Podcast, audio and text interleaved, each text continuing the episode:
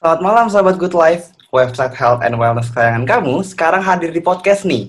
Hari ini, kamu bakal ditemenin bareng aku Alfi di segmen barunya Good Life yaitu Pod Life. Segmen yang akan ngebahas tema motivasi, menginspirasi, serta sharing knowledge dari para narasumber atau bintang tamu kita. Konten pertama di Pod Life kali ini, aku mau ngebahas tentang menghadapi masalah sama dengan level up. Masalah di sini sebenarnya lebih ke masalah yang sering kita hadapi saat quarter life crisis. Nah, kira-kira quarter life crisis itu apa sih? Jadi mungkin aku jelasin sedikit kali ya. Quarter life crisis adalah di mana seseorang merasa bingung, kehilangan arah, galau, dan ketakutan akan merasa akan masa depan yang akan terjadi seperti apa. Biasanya menyerang di usia 20-30 tahun. Tapi sebenarnya bukan hanya di umur 20-30 tahun saja, di umur 18 tahun pun juga bisa merasakan krisis ini. Nah, quarter life crisis sendiri biasanya terjadi karena urusan karir, keluarga, hubungan pribadi, dan kehidupan sosial yang terasa rumit. Nah, mungkin sekarang kalau gue aku ngobrol sendirian gak enak kali ya. Langsung aja kali ya kita ajak narasumber kita yang pernah nih ngalamin quarter life crisis. Halo Kak Dea. Halo.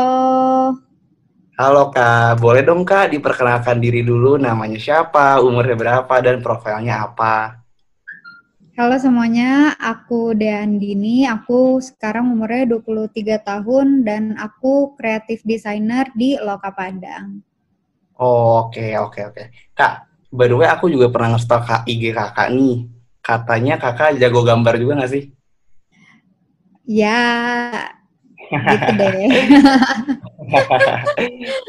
Oke oke, aku pengen nanya dikit sih kak. Tadi kan aku udah ngebahas tentang uh, sedikit tentang quarter life crisis. Kalau menurut hmm. kakak, uh, quarter life crisis sendiri itu apa sih? Hmm, kalau quarter life crisis menurut aku berdasarkan dari yang hmm. aku alamin, ya hmm. hampir sama sih kayak penjelasan kamu tadi, kayak mm-hmm.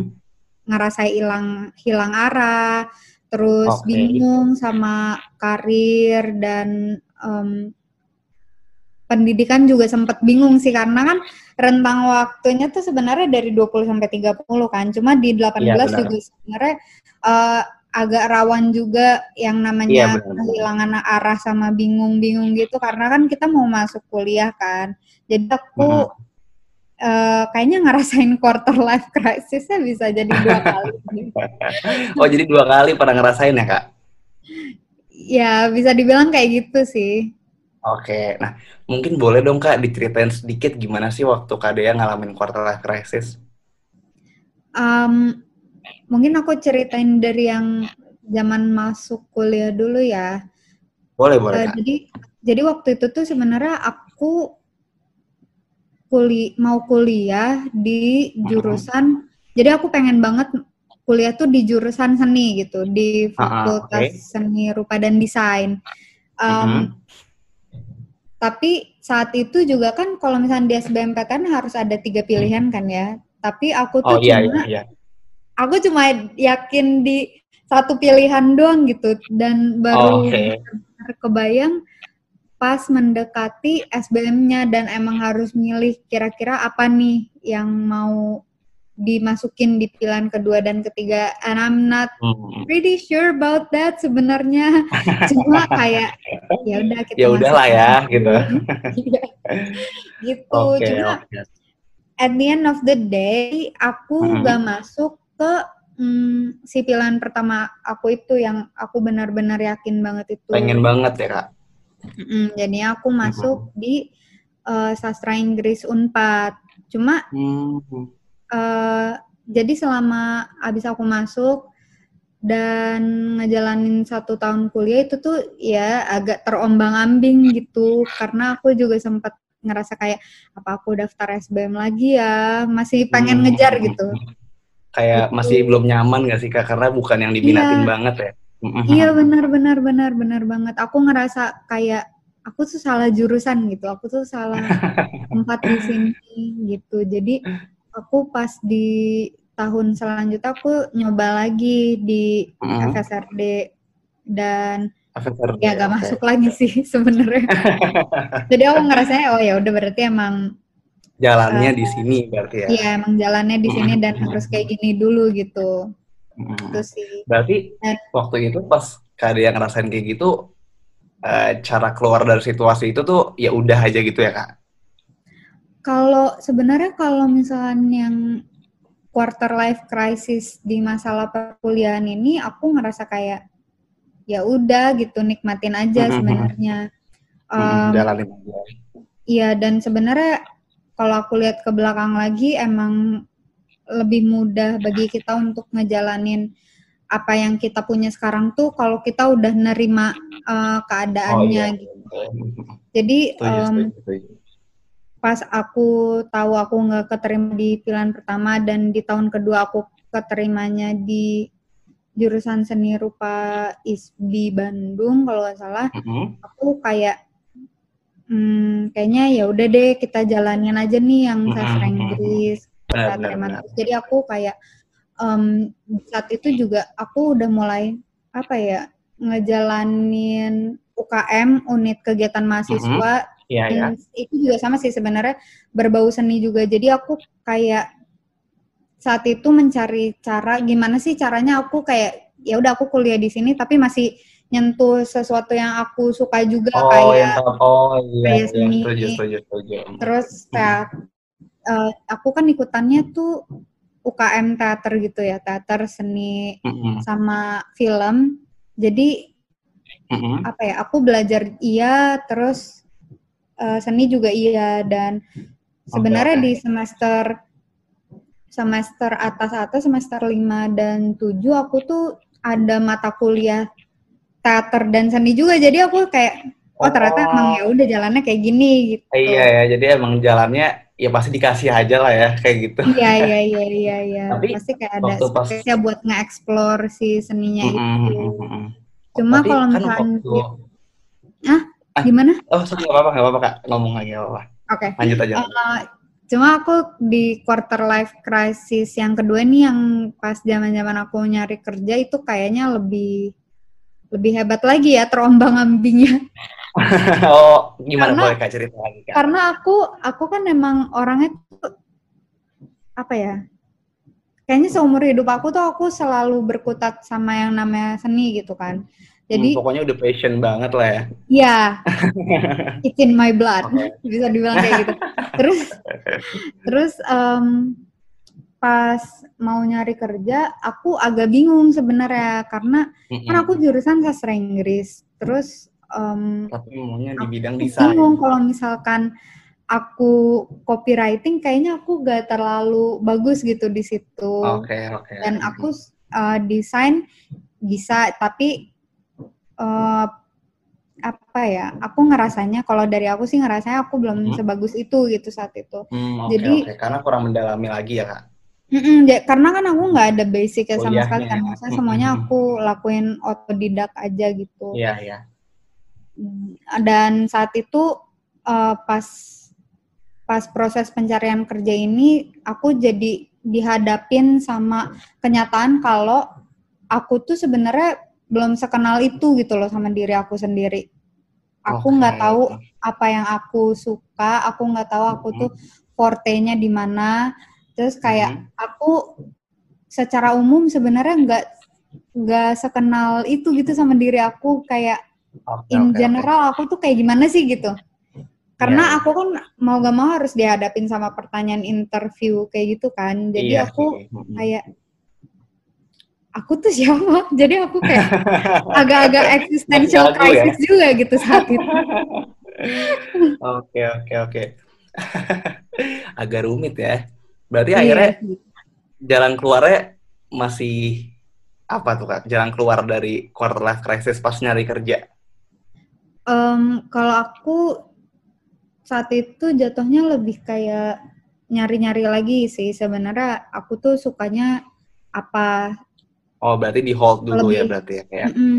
jadi dulu lebih apa, apa ya bercermin dalam dulu gitu oh iya iya iya. ya, tapi aku sambil kayak refleksi juga sebenarnya aku tuh uh, sukanya apa sih? Terus um, aku tuh uh, di di semua hal yang pernah aku kerjain uh, pas kuliah uh, pengalaman organisasi aku kayak gitu-gitu tuh sebenarnya aku ngapain terus aku udah bisa apa aja dan dari hal itu tuh aku belajar apa aja itu bener kayaknya benar-benar aku bedah sih saat hmm. uh, si quarter life crisis itu.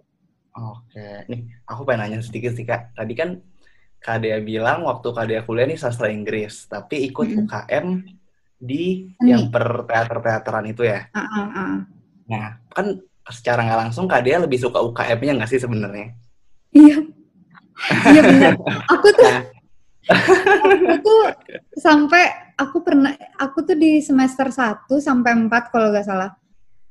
Aku tuh ngerasa masih ngerasa salah jurusan nih. Jadi aku kadang malah jatuhnya lebih fokus di UKM itu daripada di kuliah aku sampai teman-teman aku tuh kadang ngomong ah si Dea mah kuliahnya di UKM seni bukan di sastra Inggris.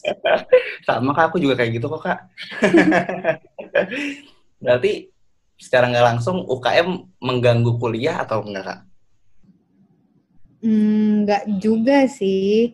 Nggak juga ya. Cuma ada kalau misalkan ya. kalau kalau misalkan ngatur waktunya nggak bener emang suka bikin keteteran apalagi kan uh, kalau aku ikut UKM kadang eh aku tuh pernah ikut lomba-lomba gitu juga dan itu kan makan waktu yang banyak banget karena harus latihan hmm. terus harus persiapan kayak gitu-gitu. Jadi emang iya. harus bener benar-benar gitu nge-manage waktunya dan hmm. nge-manage energi juga gitu. Hmm, setuju setuju. Nah, ini Kak, kan uh, Kak Dea ini suka banget ngelukis. Mm -mm. Kalau saat Kak Dea ngerasain quarter life crisis, ngelukis bisa sih jadi distractionnya gitu loh. Jadi biar ngedistract quarter life crisis ini. Kadang bisa. Kadang bisa. Maksudnya beberapa waktu tuh bisa, cuma uh, ada juga waktu-waktu aku ngerasain art block gitu loh. Jadi aku nggak bisa uh, hmm. lagi lagi apa ya? Lagi stuck gitu untuk bikin okay, karya. Okay. Hmm, gitu. Hmm, hmm, hmm. Oke deh kak, kayaknya kita ngobrol berdua kurang asik nggak sih kak? Iya nih. Lebih asiknya nih kalau ada salah satu narasumber lagi yang bisa ngasih wejangan-wejangan nih ke kita. Kan jadi kita punya narasumber lagi nih salah satu lagi. Nah, dia ini udah pernah ngelewatin quarter life crisis lebih jauh dan umurnya di atas kita juga lebih jauh nih, Kak. Oke, mantap Langsung aja kali ya kita panggil ya. Halo Kak Dimas. Halo. Apa kabar? Halo Kak. Halo Kak Dimas. Halo, ya. Boleh dong Kak perkenalan diri dulu, nama semuanya. Oke gue Dimas, uh, eh, gue sekarang uh, adalah konten creator dari Acuan Hidup. Hmm, okay. Acuan Hidup sendiri itu adalah platform untuk uh, konten-konten pengembangan diri. Nah, hmm, hmm, hmm, lebih advice advice gitu ya kak isinya? Hmm, sharing pengalaman, terus oh, sharing pengalaman dari pribadi maupun teman-teman semua sih yang punya pergumulan masing-masing yang bisa kita okay. Okay. Oke nih kak, tadi kan aku sama Kak Dea juga udah ngobrol-ngobrol nih tentang quarter life crisis. Kalau menurut dari Kak Dimas apa nih quarter life crisis? Oke, kalau quarter life crisis itu sebenarnya dimulai dari se se seorang individu nih, satu mm -hmm. orang ini mulai ada titik sadar, titik sadar okay. ketika dia mulai menyadari bahwa ini kapal gue mau dibawa ke mana nih, nakodanya. Okay, okay. Hmm. Pulau impian gue yang terakhir itu di mana nih gitu. Oke, okay, nah, berarti dia tahu cara... bahwa hmm. uh, eh, gue gue punya idealisme atau mimpi-mimpi seperti ini yang ideal ya gitu kan atau seperti okay, okay. yang indah-indah deh di kepala dia. Oh, iya iya iya. Nah, tiba-tiba dia sadar, tiba-tiba dia sadar hmm. bahwa wah untuk sampai ke situ ternyata banyak banget nih yang harus gue benahi, banyak banget nih yang harus gue lengkapi. Di situlah hmm. pergumulan mulai terjadi. Oke. Okay. Dan ketika dia sadar bahwa hmm. banyak pergumulan, itu otomatis secara natural itu kebanyakan dari orang uh, jadi uneasy, jadi nggak okay, tenang. Dia hmm. mulai melihat uh, sahabatnya yang mungkin udah one step ahead dari mereka, dia mulai compare diri mereka dengan kakak atau adik mereka yang lebih baik gitu kan. hmm. nah akhirnya uh, dia punya pola berpikir itu menjadi kebanyakan instan kebanyakan nggak hmm. apa ya nggak uh, tepat akhirnya decision makingnya juga jadi nggak tepat jadi nah, kurang baik ya itulah kenapa orang-orang di usia uh, quarter life crisis ini banyak banget yang jatuh ke drugs. Hmm, dia okay. dia stres, dia apa, udah deh gue mau tenang, beli aja drugs gue tenang. Nah, habis itu gitu, misalnya terus banyak juga yang larinya ke alkohol itu banyak banget. Okay. Terus juga dan penyimpangan-penyimpangan lainnya karena dia uh, membuat keputusan yang salah bukannya mendekat ke pulau keimpian dia, tapi malah menjauh. Malah menjauhi ya. Pergumulan serta masalah dia jadi makin kompleks. Nah, gitu sih kalau menurut gue dan itu harus segera diatasi sedini mungkin. Oke, keren sih keren kak, keren. Setuju setuju gue, setuju aku. Nih kak, mau nanya sih kak, kan hmm. kalau dari kak Dimas sendiri uh, pernah ngalamin quarter life crisis kan pasti? Iya. Yeah. Pernah pasti dong. Boleh dong Kak diceritain dikit aja. Ya, jadi kalau mungkin eh, orang-orang yang tahu gue sekarang gitu sebagai mm-hmm. founder Acuan Hidup, dia cuma ngelihat gue sekarang sebagai uh, uh, personal development practitioner aja gitu. Oh Dimas nih mm-hmm. uh, sering ngomong tentang pengembangan diri, tentang ini ini, tapi dia nggak mm-hmm. tahu gimana gue dulunya apa yang awalnya nggak tahu ya. Iya, apa yang mem, kegelisahan apa atau pengalaman apa yang benar, membuat benar. bisa ngomong di acuan hidup gitu. Jadi kalau tarik hmm. sebelumnya itu awal-awal gua teenage akhir lah 18 gitu ya sama hmm. uh, my early 20 itu wah berat banget. Gue uh, tuh kak. Iya berat. Drugs tuh gue tujuh tahun sampai berurusan sama kepolisian, Terus hmm. gue juga melakukan penyimpangan kekerasan. Hmm. Terus gue juga kecanduan alkohol, and so on and so on gitu ya. Even pada saat gue sidang tesis, itu gue dalam keadaan mabuk dan under substance gitu. Waduh. Iya. Nah, okay. itu itu adalah contoh yang salah buat teman-teman jangan ditiru. Ini gue diceritain sini sebagai pembelajaran. Jadi gini, dulu waktu gue masih uh, sekitar kuliah awal gitu ya, SMA akhir itu gua mulai merasa kehilangan arah. Gua nih mau jadi apa? Gua mau jadi accountant, mau jadi accountant. Gua mau jadi lawyer, gua mau jadi businessman. Banyak maunya ya. Gua mau jadi banking. Enggak, nah itu gua nggak tahu gua mau jadi apa gitu. Oh, masih belum tahu berarti. Ya, kan? Iya. Udah mulai ada titik sadar itu. Gue tuh pengen jadi apa? Nah, itu nggak nggak ketemu tuh. Sementara di satu sisi, gue itu cinta banget sama musik. Okay. Gue cinta banget sama musik dan di awal 2000 uh, 2010-an tuh gue dikenal gitaris dulu. Ada band okay. udah sempat keluarin album segala macam. Tapi ya lo tahu untuk umuran orang tua dan ya orang tua kita lah gitu ya. Itu kan umurnya generasi di atas kita yang masih sangat uh, konservatif lo mau cari duit apa dari musik gitu kan? Lo mau jadi yeah, apa? lifestyle-nya yeah, tuh yeah. itu musik. Nggak cocok di Indonesia mm. gitu kan. Iya yeah, yeah. itu akhirnya to be honest pada saat gue selesai kuliah gue pengen banget sekolah musik gitu di LA kayak uh, gitar school atau apa gitu kan. Mm. cuma nggak boleh. Akhirnya gue dulu ngambil di uh, boleh sebut merek ya Binus International. Gue ambil manajemen waktu itu kan. Ya gue sekolah sekolah belajar belajar tapi bukan ya, kemauan gue sendiri. ya, jadi gue ada rasa iya, terpaksa. gue ada rasa terpaksa. nggak mau ya pak. Bener dan itu gue stres banget stres banget. Dan itu dengan tekanan dari sana sinilah dari sosial dari keluarga segala macam stres banget. Mulailah ada yang nawarin drugs ada yang apa itu gampang banget tergoyang. Jadi buat teman-teman semua nih uh, penting banget buat kalian punya satu pegangan punya satu prinsip biar nggak tergoda terutama di fase-fase pergumulan awal ini gitu.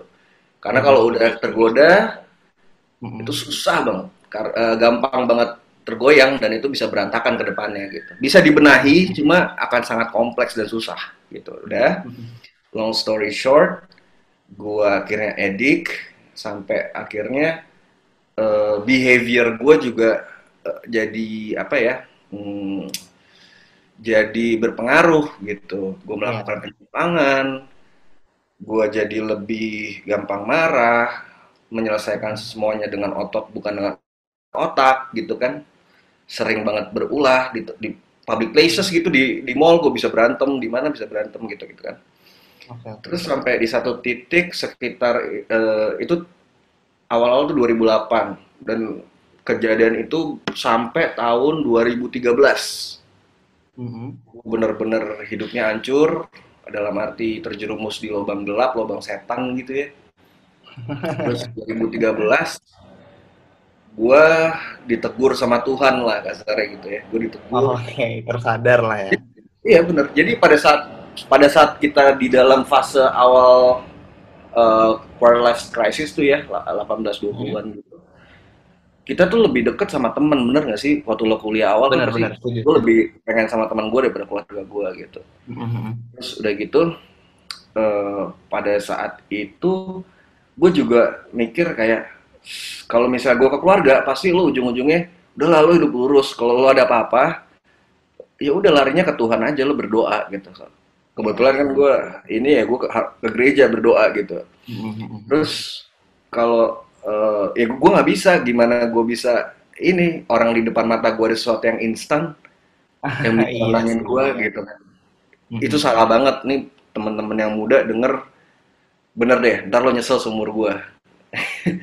terus udah gitu dengerin tuh. Uh, jadi uh, penting punya punya punya prinsip yang kayak gue bilang sama punya guidance. Guidance itu ya mm-hmm ya lo dengan keyakinan lo itu penting banget karena itu nanti yang akan menolong lo secara spiritual gitu.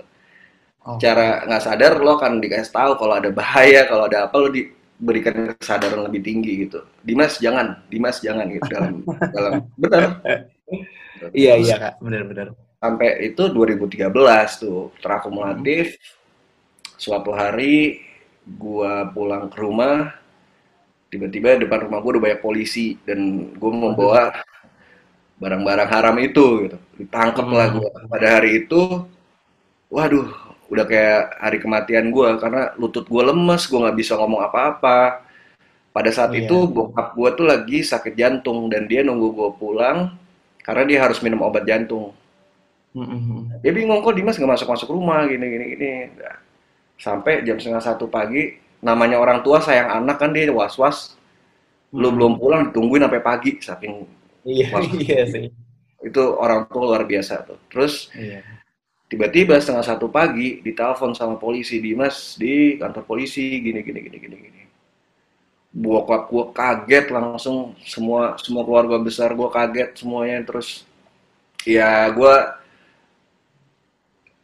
itu penyesalan penyesalan yang luar biasa buat gue pada saat itu akhirnya gue keluar stigma stigma yang ada setelah itu tuh memberatkan mental gue juga karena kan gue harus apa ya dealing with that gitu. Gue nggak bisa menyangkal bahwa orang melihat gue apalagi keluarga ya ah Dimas memakai ah Dimas nyusahin keluarga ah gini gini berat banget itu periode berat banget.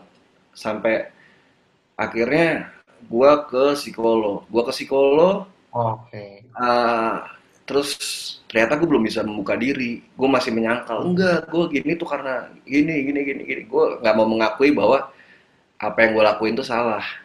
Nah hmm. ini fase quarter life crisis yang kedua nih. Masalah udah meledak tapi lo belum masih, bisa ngakuin masih hmm, masih, masih, masih. denial Jadi, ya berarti.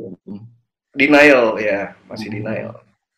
Terus udah gitu ini nggak selesai selesai nih udah setahun kok perasaan gue masih mental gue terbebani gitu padahal gue udah harus cari kerja and so on and so on gitu kan ya udah akhirnya gue sadar bahwa oh ini uh, this is the right time untuk gue menata kembali hidup gue Hmm, oke okay, oke. Okay, okay. Akhirnya mulailah gue mendekatkan diri ke keluarga, gue bisa diajak diskusi.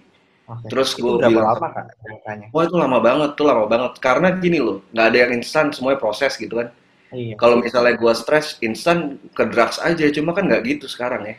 Iya. Uh, eh, gue membuka diri ke keluarga, ternyata keluarga memaafkan dan menerima gue.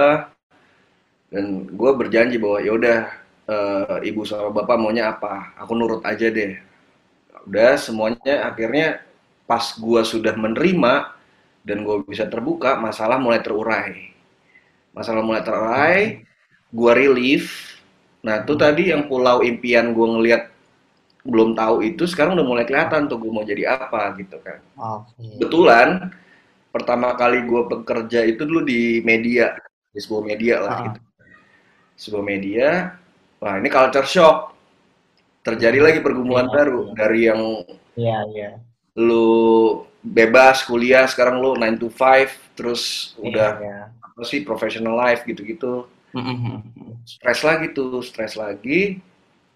Terus gue sempat apa namanya gue sempat kayak pengen cabut gitu pengen pengen cabut tidak kerja tapi lagi-lagi gue keinget tuh sama pulau impian gue gila lu lu baru tiga bulan mau cabut katanya lu pengen sampai ke situ masa gini doang cabut gitu? Akhirnya gue bertahan.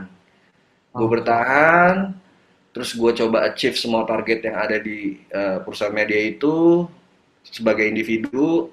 Mm-hmm. terus ya udah tiba-tiba uh, ditawarin pekerjaan lebih baik. Waktu itu gue kerja di sebuah perusahaan oil and gas di learning and development gitu ya khusus buat training.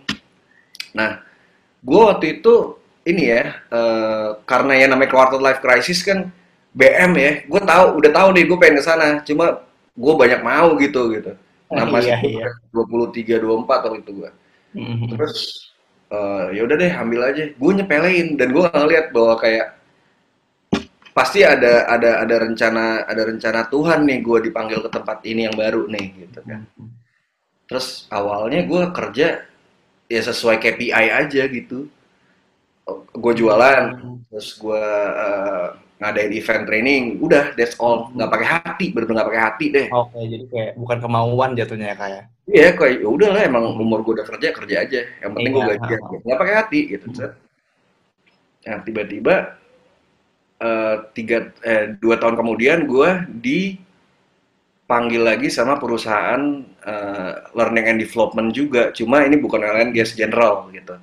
Yang hmm. tadinya gue ngurusin training untuk uh, technical pemboran gitu-gitu, sekarang gue ngurusin training untuk hmm. yang uh, personal development tentang hmm. apa sih interpersonal skill, problem solving, pengembangan diri lah.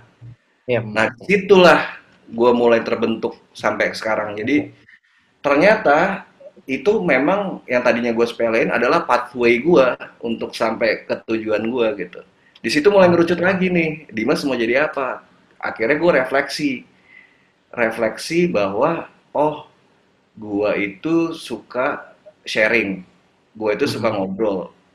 Di satu sisi gue punya problematika dan masalah berat yang udah gue lewatin, dan itu sudah lewat, gue berhasil melewatinya. Kenapa enggak gue share gitu kan? dan itu masih inline sama gue punya uh, competence yaitu learning and development. Nah di situ tuh gue enam tahun sampai 2019 terbentuk tuh mulai terbentuk. 2019 gue udah merasa bahwa oh fase krisis gue udah lepas nih gue udah gak punya masalah iya, nih. udah udah kelar ya. Udah kelar gitu kan. Terus tiba-tiba ya udah gue pede aja gue udah punya base client. Gue merasa sudah uh, dewasa secara apa spiritual dan secara decision making. Gue bikin sendiri uh, training provider. Dan gue udah kenal banyak coach yang bisa gue jadiin trainer segala macem. Eh tiba-tiba nggak segampang itu Ferguson. Pandemi. Tiba-tiba pandemi. Iya bener. Tiba-tiba pandemi. Jadi kayak bulan Maret tuh ya tahun lalu pandemi. Hmm, iya, Maret. Terus, uh, waduh gila udah lama banget gue nggak ngerasain jatuh kayak gini. Terakhir ya pas yang gue drugs dan lain-lain itu kan. Iya.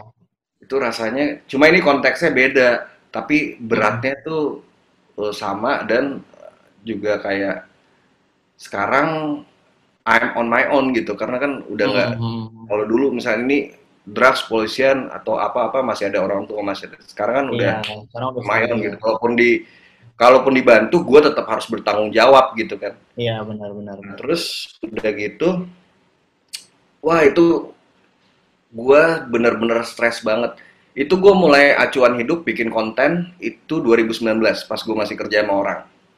Mm -mm. Ya.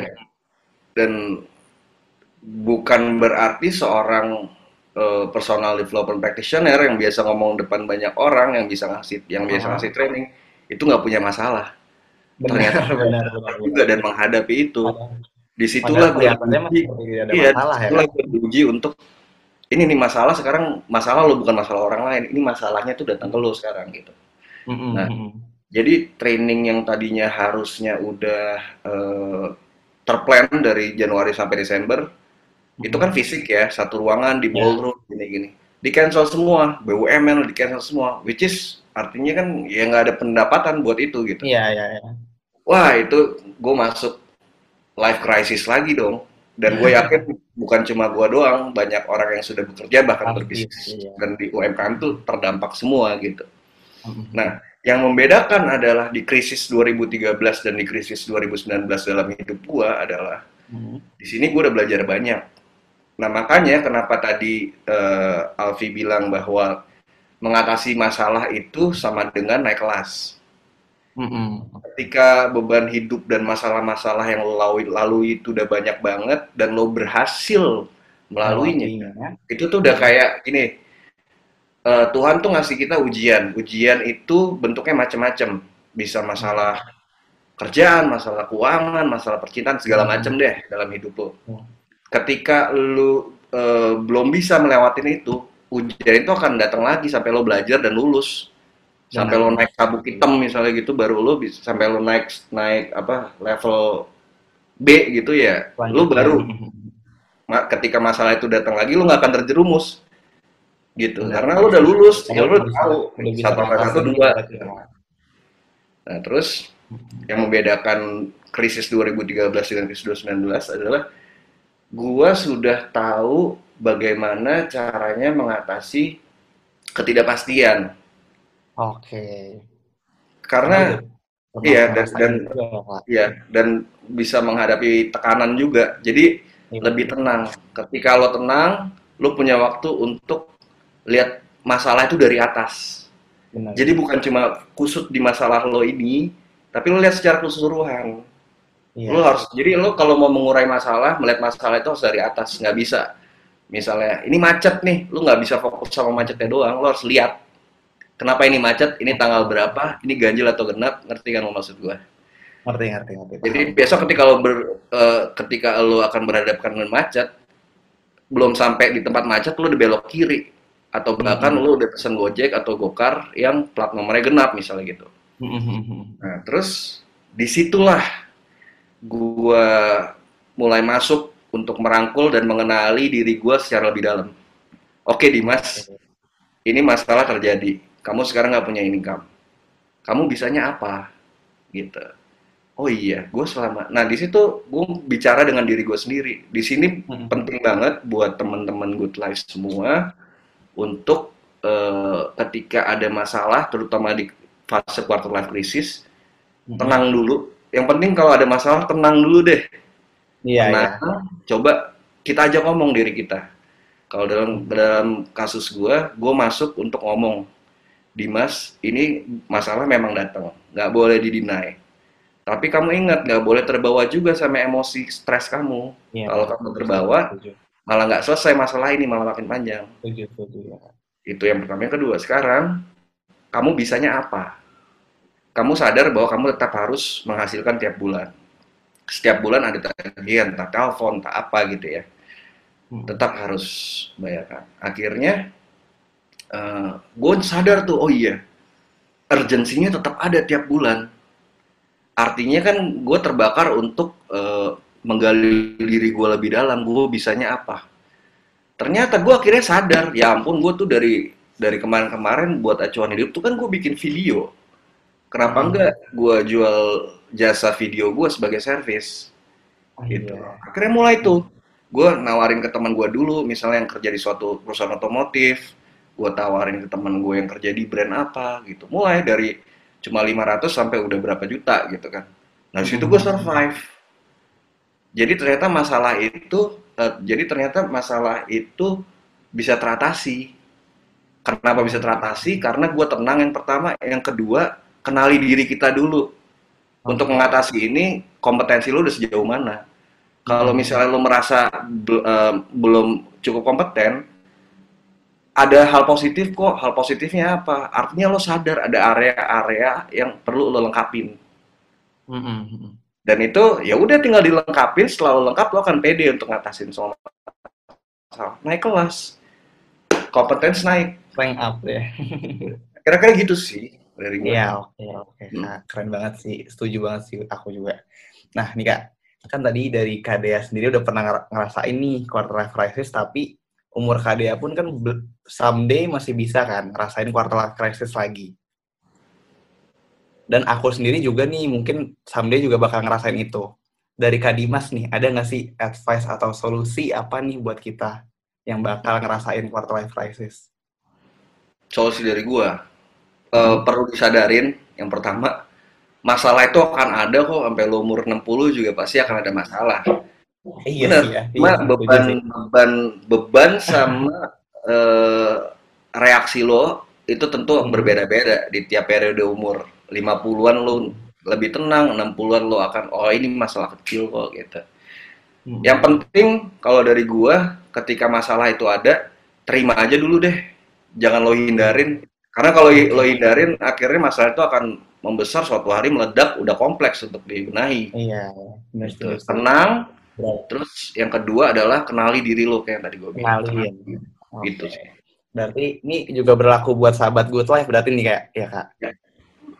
oke okay. thank you banget nih kak Dimas udah ngasih cerita yang apa ya menginspirasi banget sih buat aku juga buat sahabat good life juga ada nggak kak kata-kata terakhir buat sahabat good life nih? Eh kata-kata terakhir seakan-akan gimana banget?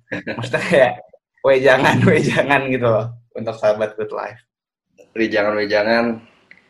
Sekarang uh, eh, gue pengen kasih pesan sih buat sahabat good life untuk mm -hmm. di situasi sekarang sulit, buat yang masih kuliah emang sulit banget nggak ketemu teman-teman. Buat yang lagi kerja juga banyak banget yang kena layoff. Buat UKM banyak banget yang terdampak. Yang penting satu, kita semua tetap tenang dan kita tetap harus punya prinsip untuk kita nggak tergoyangkan agar kita juga nggak terkoyak sama keadaan. Dan percaya aja badai pasti berlalu. Jadi tenang Asli. dan tetap berdoa. Setuju, setuju, setuju. Keren banget Kak Dimas asli. Oke, okay, thank you Kak Dimas. Nah, tadi kan dari Kak Dimas udah nih Kak Dea uh, wejangan wejangan. Nah sekarang dari Kak Dea boleh dong. kalau dari aku uh, mungkin kalau misalnya ada sahabat good life yang masih di umur sekitar 18 sampai 20-an um, coba kenalin diri lebih dalam lagi dan sering-sering uh, refleksi ke dalam biar kamu uh, ketika harus menghadapi kayak nyari kerja atau nyari kuliah, kamu udah kenal sama diri kamu sendiri dan udah tahu apa yang kamu mau kayak gitu. Oke, makasih banyak ya Kak Dea. Oke, mungkin cukup sampai sini dulu podcast kita dan jangan lupa didengerin lagi ya nanti di next podcast selanjutnya. Bye bye.